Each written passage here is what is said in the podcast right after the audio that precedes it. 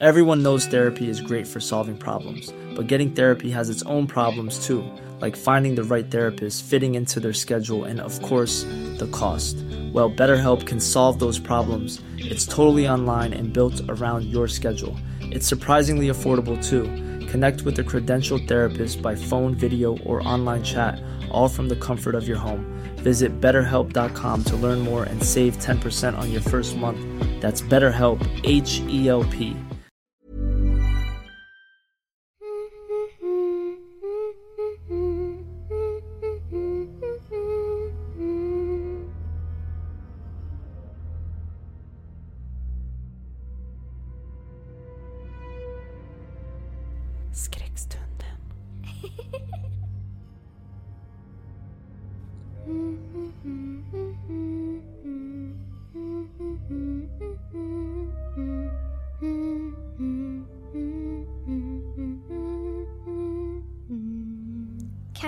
you can.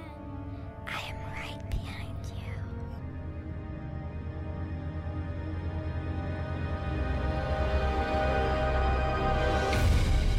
Skräckstunden.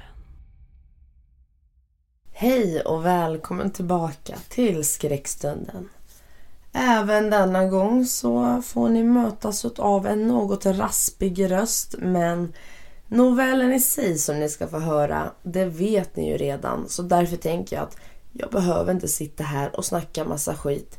Utan jag spar på rösten helt enkelt och presenterar direkt del två utav novellen skriven av den fantastiska författaren Florence Wetzel. Och det är del två utav novellen Fröken Hyde. Med det sagt så känner jag att jag inte behöver säga så mycket mer för att ni hängde väl antagligen med förra veckan hoppas jag och då har ni ju hört del 1.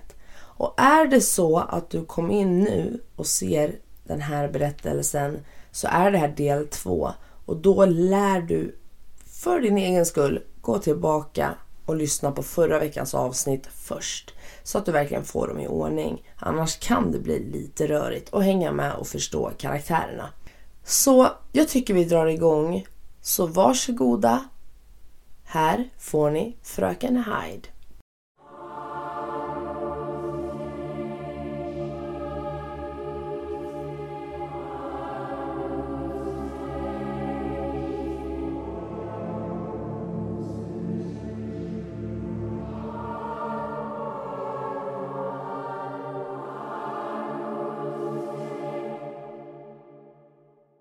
Det är inte bara alkoholister vi hjälper. Rummet funkar även för matmissbrukare. Jag hade frågat mina kompisar på slottet tusen gånger vad som pågick i rummet under de andra kvällarna men de vägrade alltid att svara. Men matmissbrukare? Det var otippat. Hur fick ni reda på det? frågade jag. Man provade sig fram. Åsa och hennes far testade andra missbruk under årens lopp och de kunde konstatera att rummet bara hjälpte alkoholister och matmissbrukare. Vad menar du med matmissbruk? Bulimiker och anorektiker? Rummet funkar bäst med hetsätare, de som äter för mycket. Inte eftersom de är hungriga, utan av känslomässiga skäl. Om det håller på för länge blir man sjuk eller sjukligt överviktig. En gammal rumskompis till mig var hetsätare. Bra, det innebär att du har koll på det. I rummet kan de äta hur mycket de vill utan att gå upp i vikt. Alla hetsätare här går faktiskt ner i vikt av någon anledning som vi inte förstår än. När kan jag börja? frågade jag. Ikväll. Om du trivs kan du jobba tre kvällar i veckan. Naturligtvis får du dricka medan du jobbar. Toppen, sa jag. Och förlåt, en fråga till. Om alkoholister och matmissbrukare har tre kvällar i rummet var, vem är där den sjunde kvällen, alltså på lördagar? Kjell tvekade. Sen sa han. De hjälplösa. Får man jobba under deras kväll också? Harriet, här säger vi samma sak som i AA-programmet. En sak i sänder. Det är inte bra för dig att få veta för mycket för snabbt. Njut av den här tiden innan. Innan konsekvenserna kommer, sa jag. Det är det alla säger. Men jag har inte sett den enda konsekvensen. Kommer jag märka när de börjar? Definitivt. Det går inte att missa. Kvart i sju den kvällen stod jag med Kjell och fem andra alkoholister utanför rummet. Vi småpratade tills väktaren släppte in oss. Rummet var nu en lyxig restaurang med fint porslin, gräddvita linnedukar och kristallvaser med röda tulpaner. Belysningen var diskret och stämningsfull musik spelades lågt i bakgrunden. Bardisken var borta och istället fanns det flera långa bord, tungt lastade med mat. En frukostbuffé, ett vanligt smörgåsbord och ett julbord. Ett annat bord hade mängder av bakverk och snacks och det fanns också en stor frys fylld med glass. Liksom i fabriken var det Kjell som var chefen. Han delade ut förkläden och kockmössor, givetvis med små broderade dalahästar. Kjell tog mig åt sidan för en liten pratstund. Han förklarade att folk gick själva till bufféerna och mitt jobb var att fylla på maträtter och duka av den smutsiga disken. Var är maten någonstans? frågade jag. I rummet bakom den rostfria svängdörren. Vad händer med de små rummen i korridoren? Behöver jag gå dit också? Någon annan ska ta hand om dem. Hon kommer att säga till om hon behöver hjälp.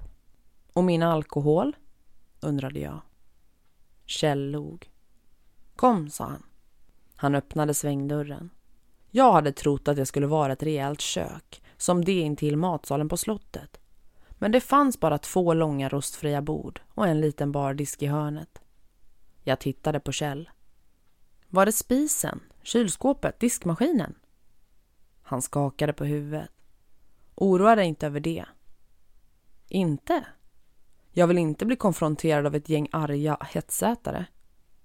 Det är bara att ställa smutsdisken på bordet till vänster. Maten kommer att stå på bordet till höger. Men här är bardisken. Den lilla mahognydisken var tänkt som en självservice. Alla alkoholister som var anställda den kvällen hade sina egna glas dekorerade med sina namn och en dalahäst. Det stod flaskor bakom varje glas och bakom mitt såg jag min älskade Absolut Vodka. Två flaskor faktiskt. Hela kroppen slappnade av. Äntligen.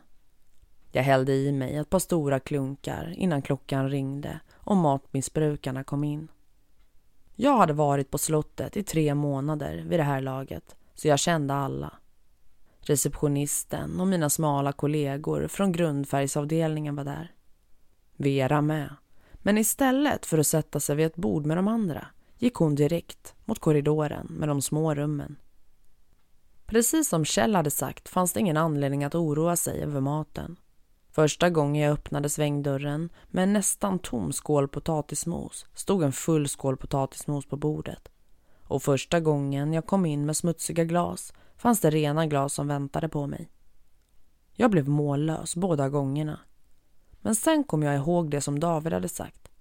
Den som försöker förstå hur rummet funkar är som en guldfisk som försöker lista ut hur en bankomat funkar. Jag slutade undra varför och bara jobbade. Självklart drack jag. Nästan varje gång jag gick in genom svängdörren gick jag fram till bardisken och tog en klunk. Jag blev ganska ostadig, men jag klarade mig ändå. Maten i rummet försvann snabbt, vilket innebar att jag rörde mig hela tiden och inte blev lika full som jag brukade. Det verkade funka på samma sätt för de andra alkoholister som jobbade den kvällen. Bortsett från tjejen som var ansvarig för de små rummen. Jag tyckte att jag drack mycket, men efter två timmar var hon redlös och hade svårt att stå. Harriet, sluddrade hon. Snälla, kan du ta en titt på de små rummen? Kolla om någon behöver något. Visst. Hon gav mig några soppåsar. Sen gick jag till den långa korridoren och knackade på den första dörren. Kom in, sa en svag röst.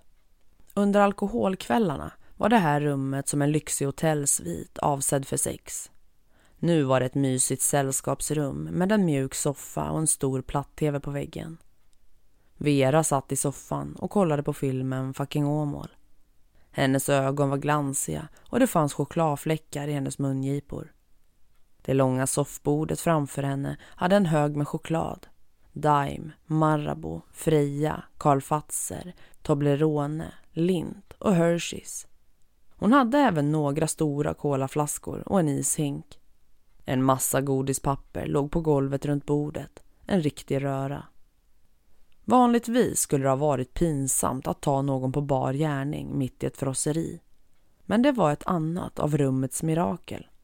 Att till och med de som fick bevittna missbruksbeteenden inte kände förakt eller medlidande. Istället upplevde jag den ensamma lilla scenen framför mig som genom en lins, som om jag kollade på en film. Behöver du något? frågade jag. Mer kola och Marabou med saltlakrits. Något annat? Lite glass skulle inte skada. Choklad alltså. Och du får ta ut allt skräp. Jag rullade ut en soppåse och rev av den. Vi var tysta medan jag plockade upp alla förpackningar från golvet. Vad fanns det att säga? Vera kollade på filmen som visades på skärmen och jag kollade på filmen av mig själv som kröp runt på alla fyra och plockade skräp. Det märktes att Vera hade en viss rytm.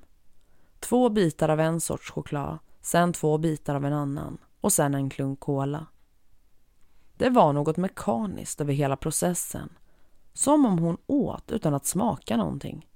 Men hur mycket upplevde jag alkoholens smak när jag drack? Smaken var inte det viktigaste. Det var ju effekten jag ville åt. Till sist ställde jag mig upp med en full soppåse. Jag är strax tillbaka.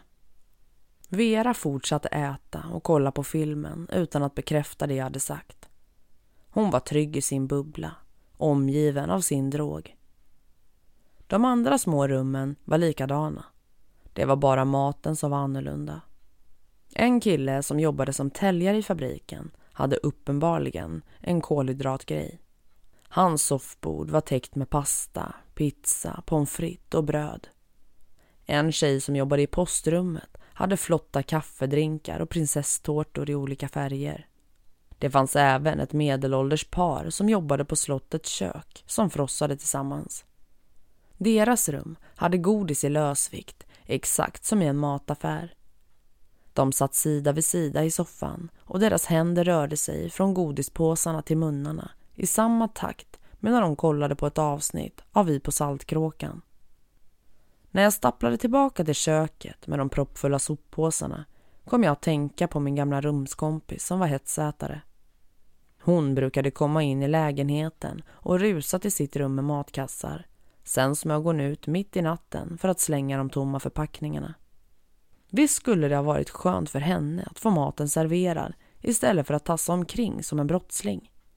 Att låta odjuret vara som det var och låta det äta så mycket som det ville. Jag undrade om det fanns andra rum i världen. Tänk så många stackars personer som behövde den här typen av hjälp. De av oss som bodde på slottet var verkligen de lyckligt lottade. Det var vad jag trodde då. När klockan ringde efter tre timmar tog jag en sista klunk vodka. Kjell sa att det inte var nödvändigt att städa. Vi kunde lämna allt exakt som det var. Jag gick ut med de andra alkoholisterna och stod vid entrén.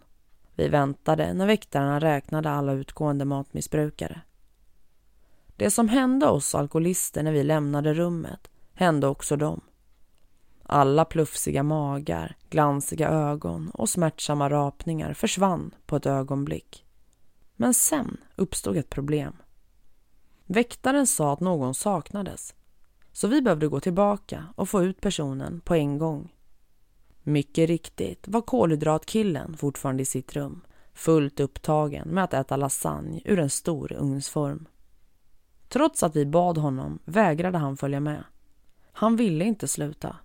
Eller snarare kunde han inte. Till sist kallade vi på väktaren som använde en bedövningspistol på stackaren. Det var sista gången jag någonsin såg kolhydratkillen. Nästa dag när jag gick förbi Åsa i korridoren frågade hon mig hur det hade gått kvällen innan. Jag sa att jag trivdes med jobbet och gärna skulle vilja fortsätta om det gick. Hon log. Första gången jag la märke till något konstigt med lilltån var ungefär en månad efter att jag börjat jobba på matmissbrukarnas kvällar. Jag höll på att klä på mig en morgon när jag insåg att lilltån på vänsterfoten såg mindre ut. Inte mycket, kanske en tredjedel. Nageln var fortfarande där, men tån var kortare. Jag höll tyst om det. Varför vet jag inte. Tanken var troligtvis att om jag inte sa något kunde det inte vara sant. Det sägs att alkoholister är barnsliga personer som vägrar erkänna obekväma sanningar och föredrar att leva i förnekelse. Check, check och check. Efter den morgonen började jag inspektera tån många gånger om dagen. Den förändrades inte mer och jag började tro att det hela var inbildning. Sen fick jag en aha-upplevelse. Kanske var det här rummets konsekvens att man fick synvillor. Vilken lättnad. Det var något jag definitivt kunde leva med. Efter att jag insåg det blev jag lugnare. Jag fortsatte att inspektera foten varje dag, men snarare tre gånger om dagen istället för 50.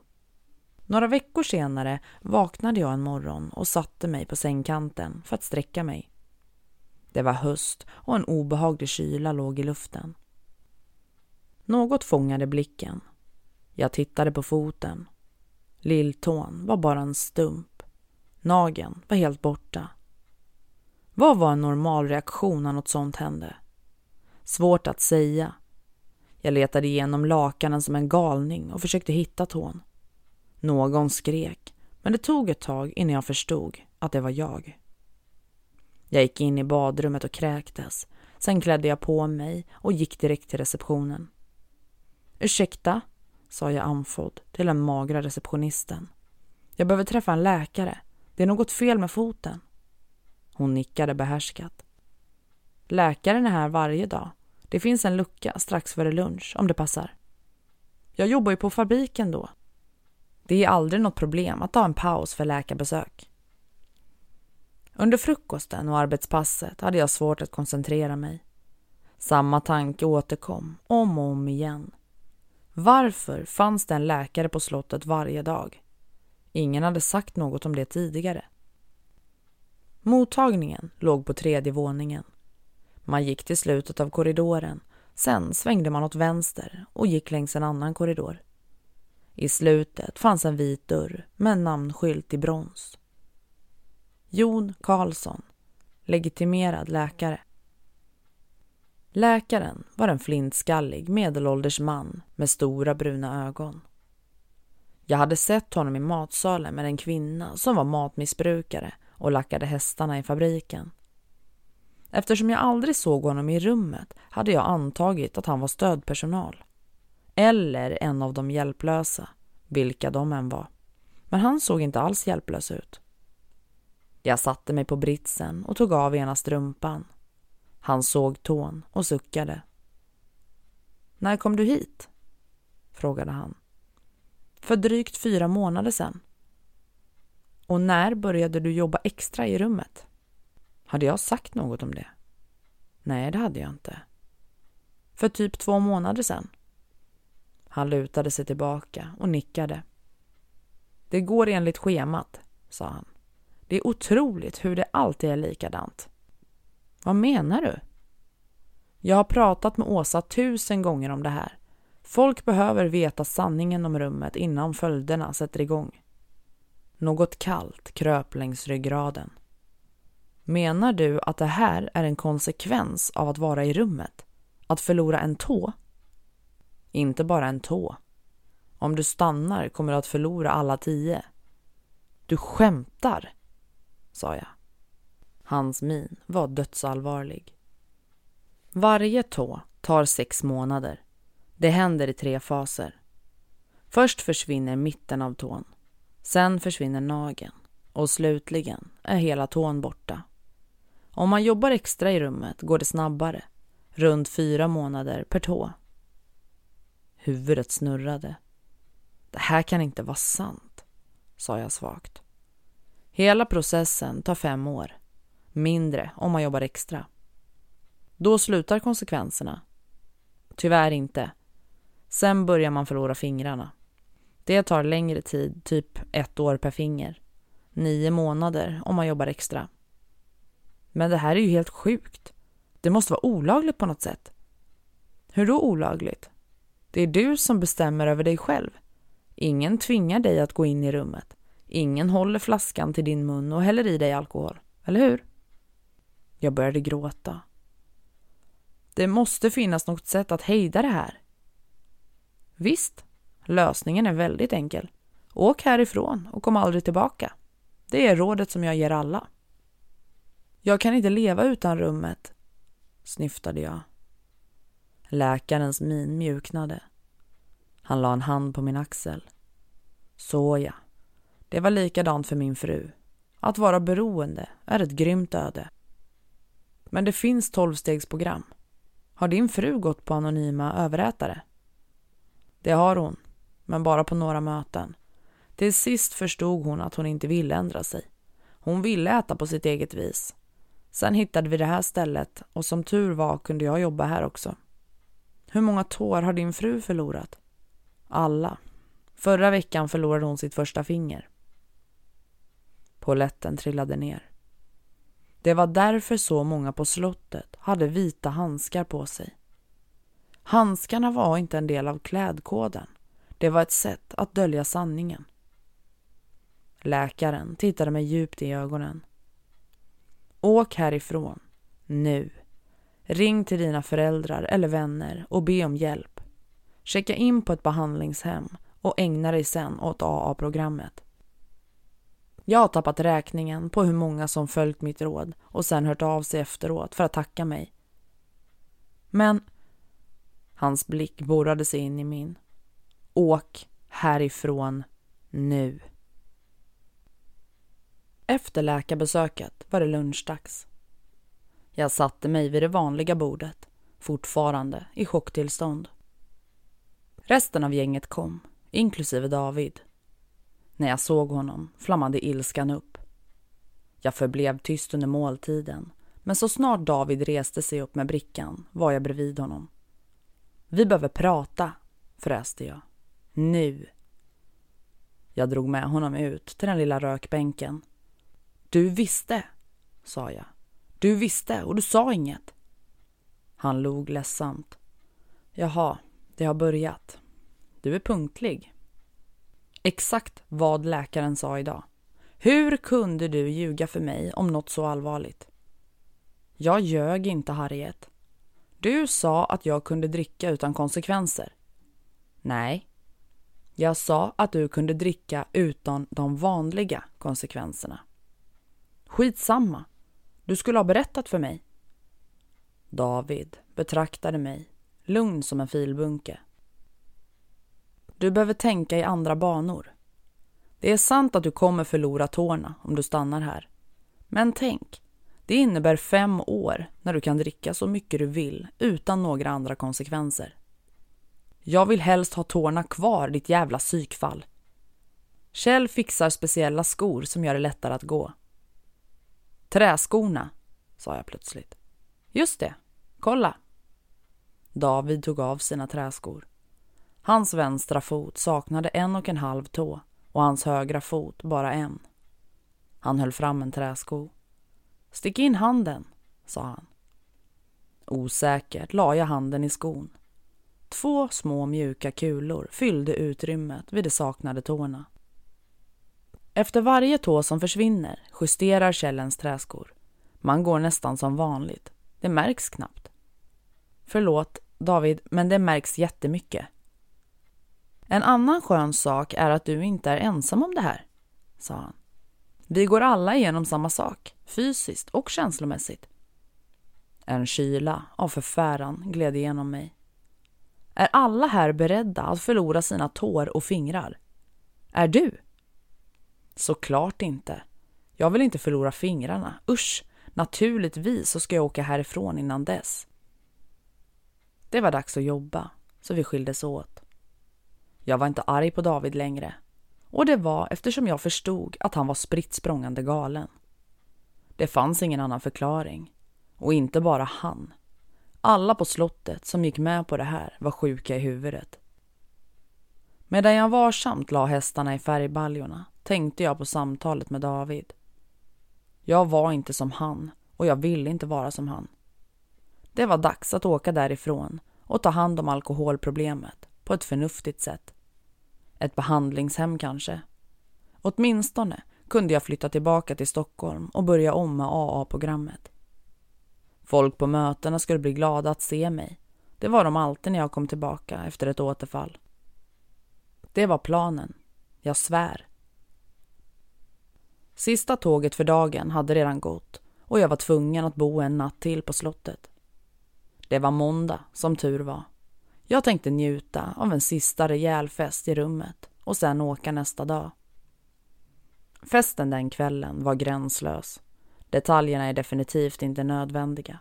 Men medan jag låg i sängen nästa morgon, utan bakfylla eller ånger, kände jag återigen hur skönt det var att ha rummet i mitt liv.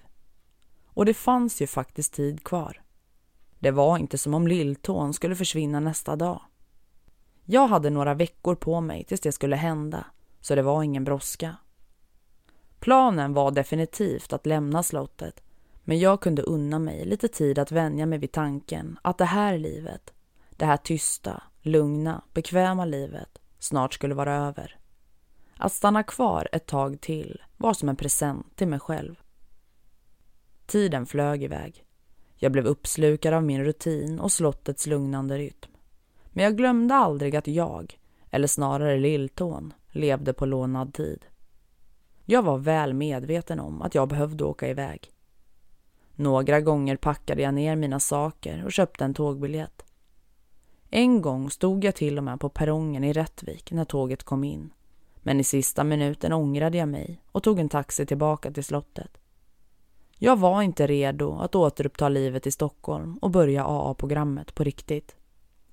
Inte än, men snart. Under tiden kunde jag alltid njuta av en fest till, eller några fester till. Sen skulle jag definitivt lämna det här galna stället. Precis som tidigare började jag inspektera foten hela tiden. Den förblev som den var och så småningom vande jag mig vid den korta tån. Det var egentligen inte så farligt. Men en söndagsmorgon vaknade jag och såg att lilltån var borta. Exakt som läkaren hade sagt. Det fanns inte ens ett ärr, bara len och blank hud. Konstigt nog kände jag mig lugn. Okej, tänkte jag när jag satte mig upp i sängen och masserade den tomma platsen på foten. Nu var det verkligen dags att åka. Jag klädde på mig och gick till den lilla bänken bredvid skogen för att röka och planera min flykt. Det var november och riktigt kallt, men inget kunde hindra en storrökare som jag. Jag var nästan klar med första ciggen när jag hörde en röst bakom mig. God morgon! Vera. Hon satte sig och tog fram en cigg och tändare. Är du okej? Okay? frågade hon. Du ser förfärlig ut. Trots kylan tog jag av stöveln och strumpan. Jag höll upp foten och såg på Vera. Jaha, sa hon. Det första är alltid det värsta. Ryan Reynolds här från Mint Mobile. Med priset på nästan allt som går upp under inflationen, trodde vi att vi skulle bring våra priser down. So to help us, we brought in a reverse auctioneer, which is apparently a thing. Mint Mobile unlimited premium wireless. Ready to get 30, 30, bit to get 30, bit to get 20, 20, 20, bit to get 20, 20, bit to get 15, 15, 15, 15 just 15 bucks a month. So, Give it a try at mintmobile.com/switch. slash $45 up front for 3 months plus taxes and fees. Promo for new customers for limited time. Unlimited more than 40 gigabytes per month slows. Full terms at mintmobile.com. Everyone knows therapy is great for solving problems, but getting therapy has its own problems too like finding the right therapist, fitting into their schedule, and of course, the cost. Well, BetterHelp can solve those problems. It's totally online and built around your schedule. It's surprisingly affordable too. Connect with a credentialed therapist by phone, video, or online chat, all from the comfort of your home. Visit betterhelp.com to learn more and save 10% on your first month. That's BetterHelp H E L P. Vera tog av sina träskor och strumpor. Hon hade förlorat tre tår på en fot och två och en halv på den andra. Herregud, sa jag. Varför är du fortfarande här? Vera beskådade skogen. I början var jag som du, Harriet. Jag trodde att det skulle vara jordens undergång att förlora tårna. Men sen började jag tänka i andra banor. Precis som David hade sagt. Vad då andra banor? Det är en enorm lättnad att äta choklad utan de vanliga följderna. Men jag är realistisk. Jag vet att jag inte kan äta så här för alltid. En dag måste jag sluta helt, annars kommer det att döda mig. Samma som för dig och alkohol. Jag skrattade till. Men Vera, du kan inte jämföra choklad med alkohol. Vera sa inget, men hon såg sårad ut. Jag mindes alla kvällar då jag sett Vera med sitt berg av choklad. Då förstod jag att det kunde ha varit vad som helst på det där bordet. Det gällde inte vad man intog, det var hur man gjorde det. Det var missbruket i sig som var problemet. Odjurets mun var vidöppen och ville fyllas. Förlåt Vera, sa jag. Såklart kan man jämföra choklad med alkohol. Fortsätt. Hon nickade sorgset. Jag vill ha barn. Inte nu, men en dag. Då kommer jag att åka härifrån. Och ha träskor på dig resten av livet. Det är egentligen träskorna som gör det här möjligt. Man kan gå i dem utan tår. Bara så du vet, ni alla lurar er själva. Har du inte sett hur alla går här? Jag har aldrig sett så många konstiga gångstilar. Det finns viktigare saker i livet än att gå på ett smidigt sätt. Jag vill äta som jag vill, Harriet. Jag skäms inte för att säga det. Och det är en lättnad att vara någonstans där folk förstår. Menar du en plats där folk är lika galna som du? Vera lutade huvudet åt sidan. Det låter som om du fortfarande skäms för att du är alkoholist. Kanske är det ditt riktiga problem. Du har inte erkänt vem du verkligen är och hur mycket du vill stanna här och dricka. Givetvis vill jag dricka, men jag vill också behålla alla tår och fingrar. Hon tog ett djupt blås. Vi är överens om fingrarna. Alltså, det är kanske okej att förlora lillfingrarna, men där går gränsen för mig. Då ska jag definitivt dra. Annars blir man en av de hjälplösa. Ingen vill bli en av dem. Kjell sa något om dem, men han gav inga detaljer. Vera ruskade på huvudet. Folk här pratar inte om dem. Kjell säger alltid att man inte ska vara för nyfiken på de hjälplösa. När jag kom till slottet sa David att det fanns 60 kunder. Vi är ungefär 20 alkoholister och lika många matmissbrukare. Så det måste finnas 20 hjälplösa också. Var är de någonstans? I den andra flygen dit vi inte får gå? Vera fimpade. Jag tycker det är dags för dig att beställa träskor. Prata med Kjell, det är han som kan skaffa dem åt dig. Är de dyra? Du är en i laget, så de är helt gratis. Du kan även välja mönstret själv. Kolla på mina. Visst är det fint med de lila dalahästarna? Vilken färg skulle du vilja ha? Svart, sa jag utan att tänka. Med vita hästar som har dödskallar på istället för ansikten. Vera skrattade. Aha, lite punk. Kjell kan till och med fixa dalahästar med tuppkam. Det gjorde han en gång åt en annan kund. Det såg coolt ut.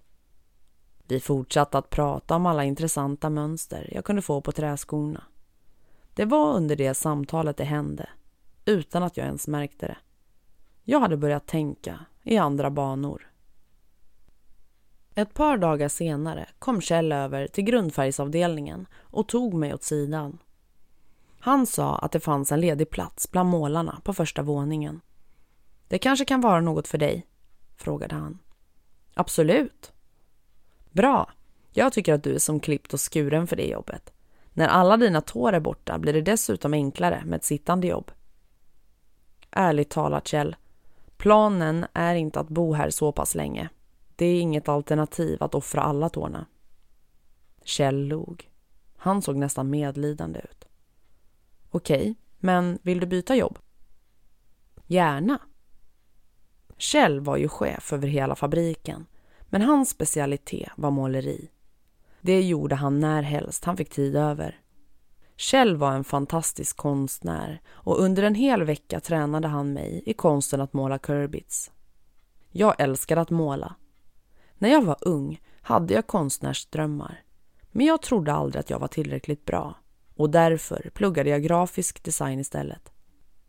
Nu med dalahästarna hade min gamla dröm kommit tillbaka. Arbetet var otroligt fridfullt. Så skönt det var att sitta vid ett bord i ett tyst rum och måla en liten häst i lugn och ro. Eftersom jag inte var bakfull om morgnarna kände jag mig pigg och engagerad. Aldrig i hela mitt vuxna liv hade jag varit så glad. Så småningom började jag älska hästarna. Varje häst hade sin egen personlighet och Kjell uppmuntrade mig att lägga tid på att få en känsla för dem innan jag började måla. Var hästen allvarlig, busig, förnuftig? Med tiden blev jag ganska bra på att förstå dem. Det var också fritt fram att experimentera med Kirbits mönstren. Visst behövde man måla det etablerade mönstret, men det fanns mycket man kunde leka med. Jag började experimentera lite och det dröjde inte länge förrän Kjell sa att folk gillade mina mönster. Snart började specialbeställningar komma in för mina hästar. Jag hade hittat mitt kall. Fast det fanns ett par saker som gjorde mig ledsen. Det första var att jag förlorade två tår till under de där månaderna. Jag fick punktträskorna av Kjell och kunde gå utan problem. Men synen av mina deformerade fötter var så outhärdlig att jag började sova med strumporna på. En annan sorg var att jag visste att jag en dag skulle behöva lämna slottet och jobbet. Ibland sneglade jag på de andra som målade hästarna och tänkte på framtiden. Jag insåg att man kunde måla trots avsaknad av några fingrar men det blev omöjligt när man har förlorat långfingret på sin dominanta hand. Om jag bara kunde jobba där utan att använda rummet. Men det skulle vara omöjligt för mig att leva i närheten av rummet och inte gå dit. Och ja, jag visste att jobbet i rummet under matmissbrukarnas kvällar snabbade på det hela. Jag försökte sluta, men efter en kväll tillbaka i biblioteket var jag nära att riva sönder alla böcker med tänderna. Jag hade blivit van att dricka sex kvällar i veckan och nu kunde odjuret inte nöja sig med mindre.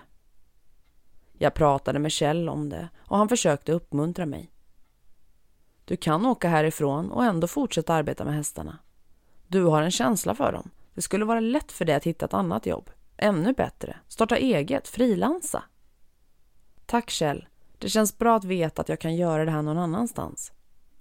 Kjell såg plågad ut. Trots det finns ett problem. En anledning till att man jobbar så bra här är att man inte är bakfull. Det är ju tack vare rummet.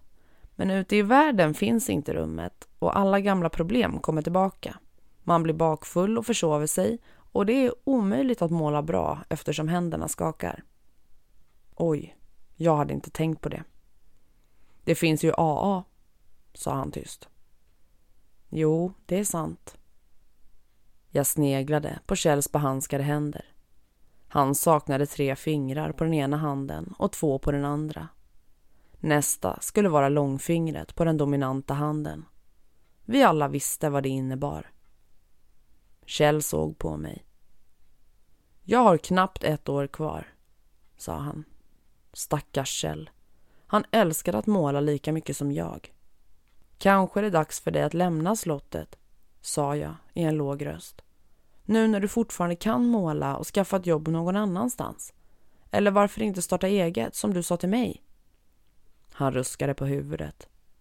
Glöm inte att jag är mycket äldre än du, Harriet. Ute i världen levde jag ett långt och vilt liv och nu har jag varit på slottet nästan tolv år. Jag är nöjd med livet. Det är du som är ung och har möjligheten att börja om. Åk härifrån och gå på AA. Det funkar, det vet du. Men bara om man verkligen vill sluta dricka, sa jag moloket. Problemet är att jag inte vill det. Varken här eller ute i världen. Vet du vad? sa Kjell. Jag tror att det är dags för dig att jobba med de hjälplösa. Det är ofta då man äntligen får styrkan att lämna slottet. Men inte du? Nej, sa han. Inte jag, tyvärr. Kvart i sju på lördagskvällen stod jag utanför rummet med väktaren och ungefär 20 andra, inklusive Kjell.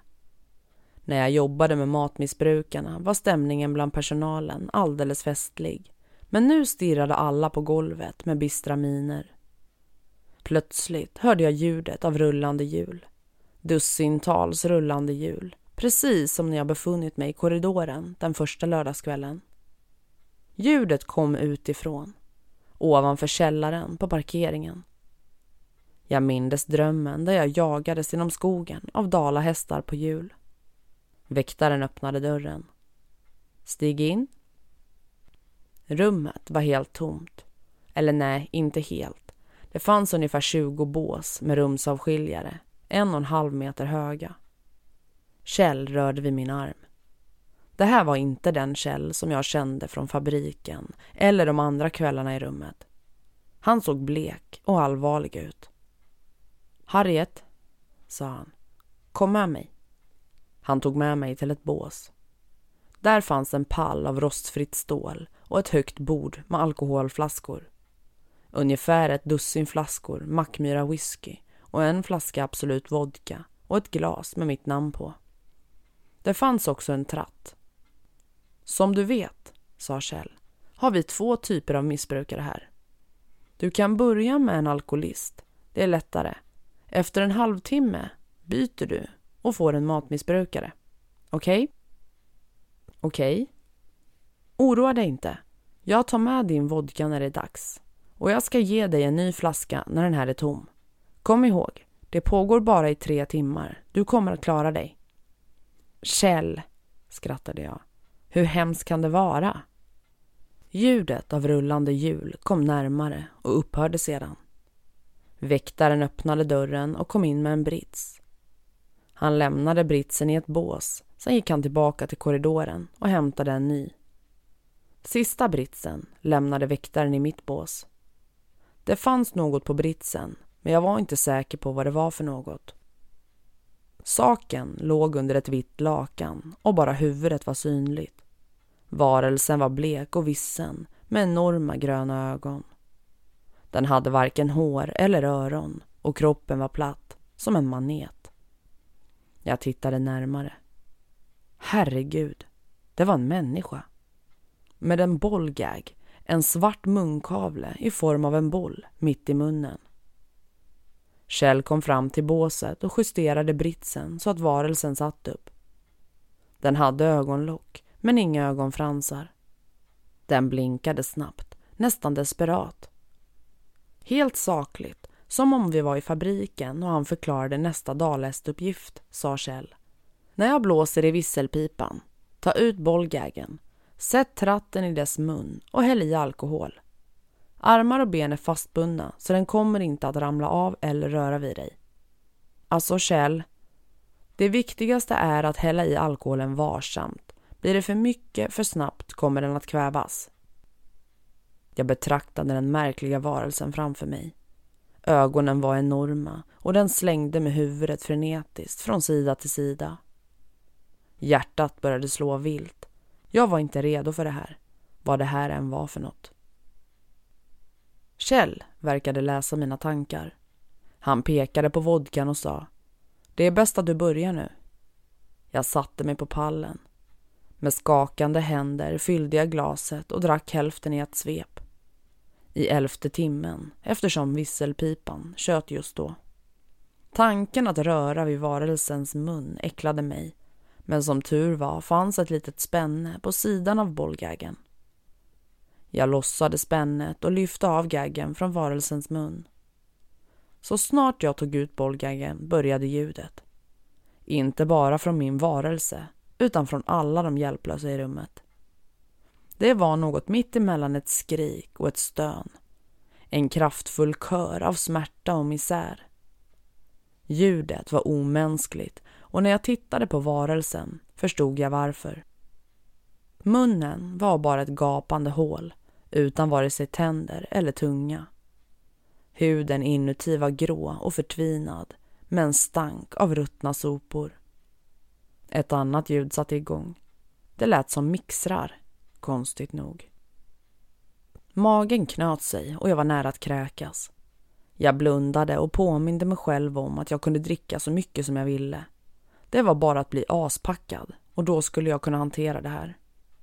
Det var det otäckaste jag någonsin hade varit med om.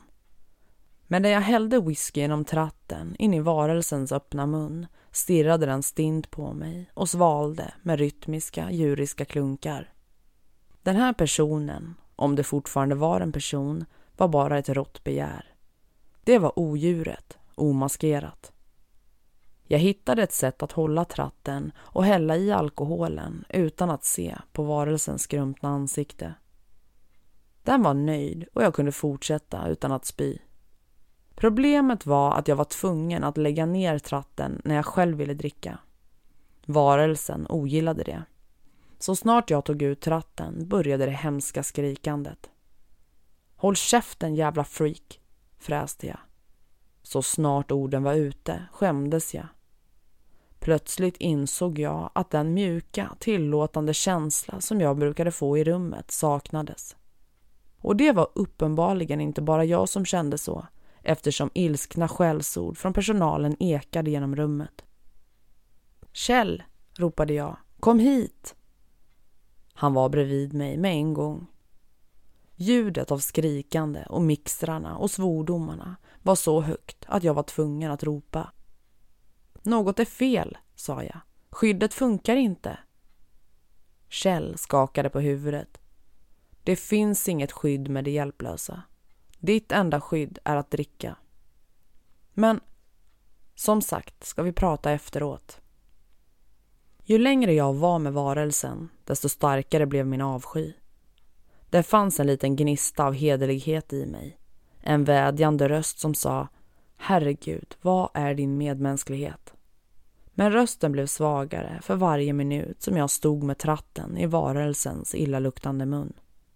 Den enda lösningen var att dricka. Och det gjorde jag. Efter en halvtimme hördes visselpipan igen. Kjell kom förbi och tog mig till ett annat bås med ett annat freak. Den enda skillnaden var att den varelsen hade blåa ögon istället för gröna. Den är en matmissbrukare, sa Kjell. Varelsens drog var choklad, precis som Vera. På bordet bredvid en mixer fanns en trave Marabou chokladkakor och en kanna O'boy. Ingen vodka. Jag öppnade munnen för att ropa på Kjell men just då kom han fram med vodkan och glaset. Bra, inget skulle hända utan dem. Jag la två stora chokladkakor och en kopp O'boy i mixern. Sen körde jag på allt tills det blev en mörk sörja som såg ut som diarré. Jag satte tratten i varelsens mun och hällde i den bruna vätskan. Varelsen slukade den med naken girighet och därmed började nästa 30 minuter i helvetet. Visslan göd regelbundet varje halvtimme. Personalen fick en liten paus medan Kjell flyttade oss mellan båsen men annars jobbade vi hela tiden. Jag blev fullare och fullare men det blev inte bättre. Några gånger missade jag varelsernas munnar och blötte ner dem och då var jag tvungen att tvätta dem, vilket de inte gillade. För hur skulle jag kunna hålla tratten på plats medan jag torkade av dem? Ljudet de gav ifrån sig då var outhärdligt, liksom känslan av deras torra och rynkiga hud. Slutligen, efter tre timmar som kändes som tre år, blåste Kjell i visselpipan. Det är dags, ropade han. Sätt på bollgägen. Jag proppade gägen i varelsens mun. Äntligen tystnad. Jag ville omedelbart springa ut ur rummet men jag var tvungen att vänta tills väktaren rullat ut alla de hjälplösa. Medan jag väntade förstod jag något. Det borde ha varit uppenbart från första början men det var väl förnekelse. Igen. Jag lyfte på lakanet. Varelsen hade inga fingrar. Jag gick till fotändan av britsen och lyfte på lakanet där. Inga tår heller. Det var då jag förstod att jag tittade på min framtid.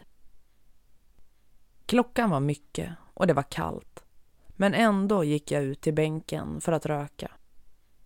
Månen lös starkt och skogen runt omkring mig viskade sitt hemliga språk. Det kändes vanligtvis skönt att sitta där och få ett rofyllt blås. Men nu skakade händerna så mycket att det nästan var omöjligt att använda tändaren. Efter ett tag kom Kjell. Han satte sig bredvid mig och tände en cigg. Vi rökte i tystnad en stund. Sen började Kjell prata. När det sista fingret försvinner snabbas hela processen på. Allt hår tappas på en dag. Tänderna upplöses dagen efter. Sedan öronen och sedan tungan. Efter det skelettet. Ryggraden är det sista som försvinner. Då blir man riktigt hjälplös. Han tog ett djupt blås. Upplösningen stannar där. Men eftersom alla inre organ är intakta lever de hjälplösa fortfarande. Det är de som bor i den andra flygen, eller hur? Ja, med sjuksköterskor dygnet runt. Hur länge kan man leva så? frågade jag. Längre än man borde, eller vill. Vi får inte döda dem såklart. En bra sak är att de inte känner någon smärta. Men suget är kvar. Det minskar inte med tiden, utan blir bara starkare. Det låter som helvetet. Kjell ryckte på axlarna. De får en kväll i rummet en gång i veckan, så de får åtminstone något. Varför får de bara en kväll? Åsa föredrar att ge de andra kvällarna till de som jobbar och drar in pengar. De hjälplösa bidrar inte med något. De bara tar. Det är hjärtlöst. Det är realistiskt. Det är ingen vits med att vara sentimental när det gäller de hjälplösa. Vi tar hand om dem, naturligtvis. Det är vår plikt eftersom de gett sina liv och kroppar till slottet. Men det vore inte klokt att slösa bort våra värdefulla kvällar i rummet på dem. Vi tystnade och jag tände en cigg till. Jag ville lyssna på skogen, men det enda jag kunde höra var ljudet av det hjälplösas nakna sug. Det spelade i huvudet hela tiden och ville inte släppa taget. I detta ögonblick förstod jag något förfärligt. Från första början när jag började dricka ville jag bli av med konsekvenserna. Men det var inte konsekvenserna som var det viktigaste att bli av med. Det var själva suget. Precis det som folk i AA alltid sa.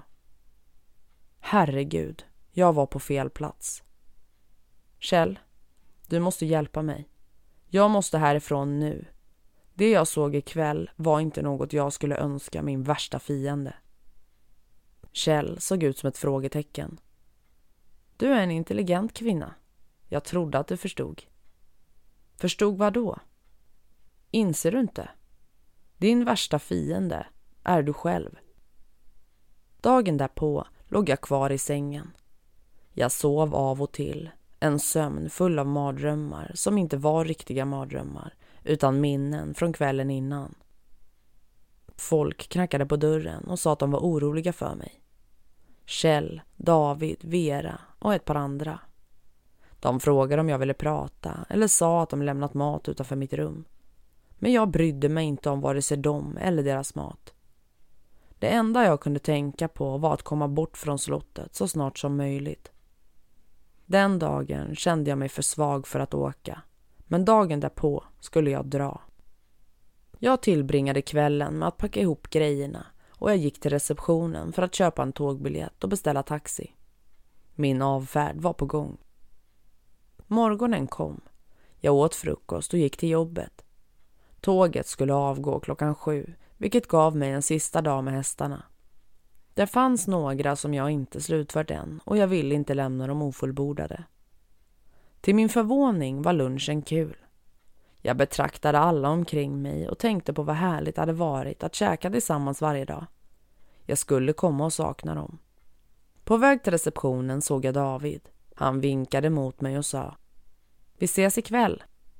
Utan att tänka sa jag Ja, det gör vi. Tanken kom då. En fest till. Bara en. En riktigt stor fest. För att säga hej då och för att njuta av rummet en sista gång. Bara en fest till och sen skulle jag sticka dagen efter. Definitivt, utan tvivel.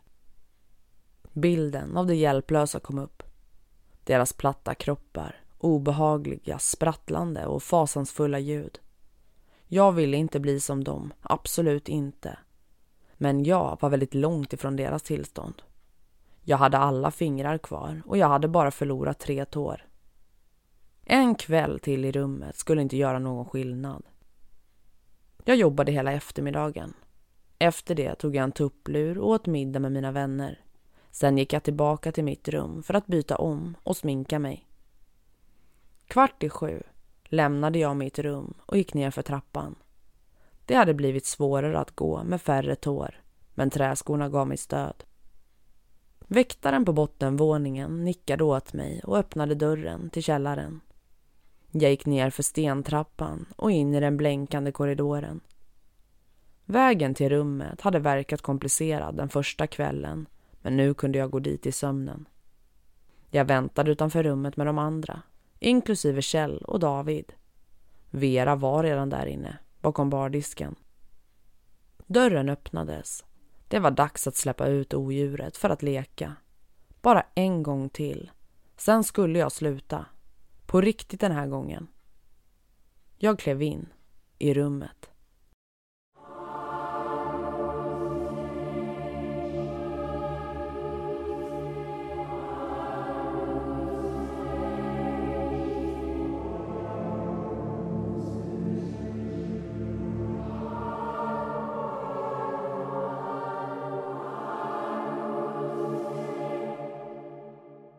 Det var allt för den här novellen och nu var ju novellen slut.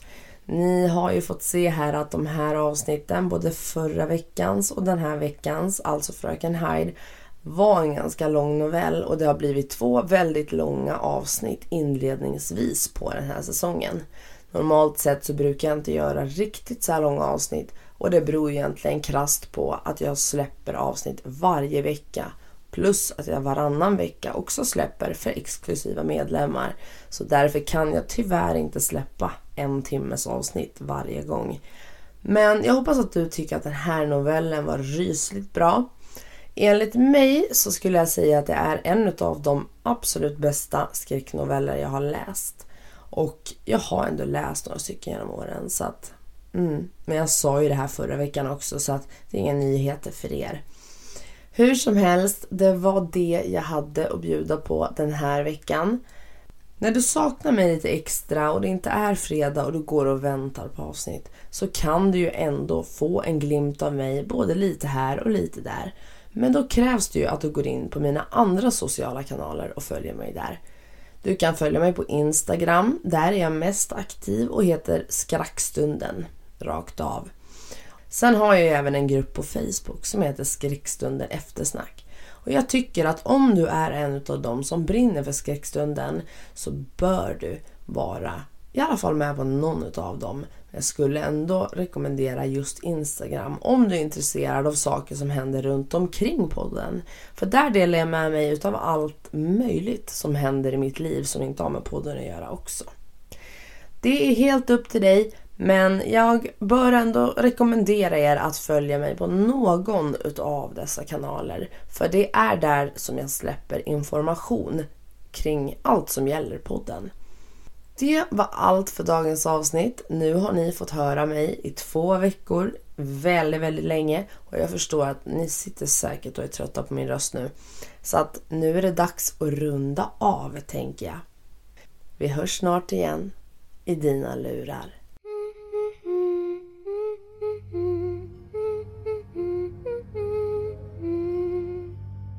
Du har lyssnat på Skräckstunden. En podcast som får ditt blod att frysa till is. Om du vågar så hörs vi snart igen. Catch me if you can. I am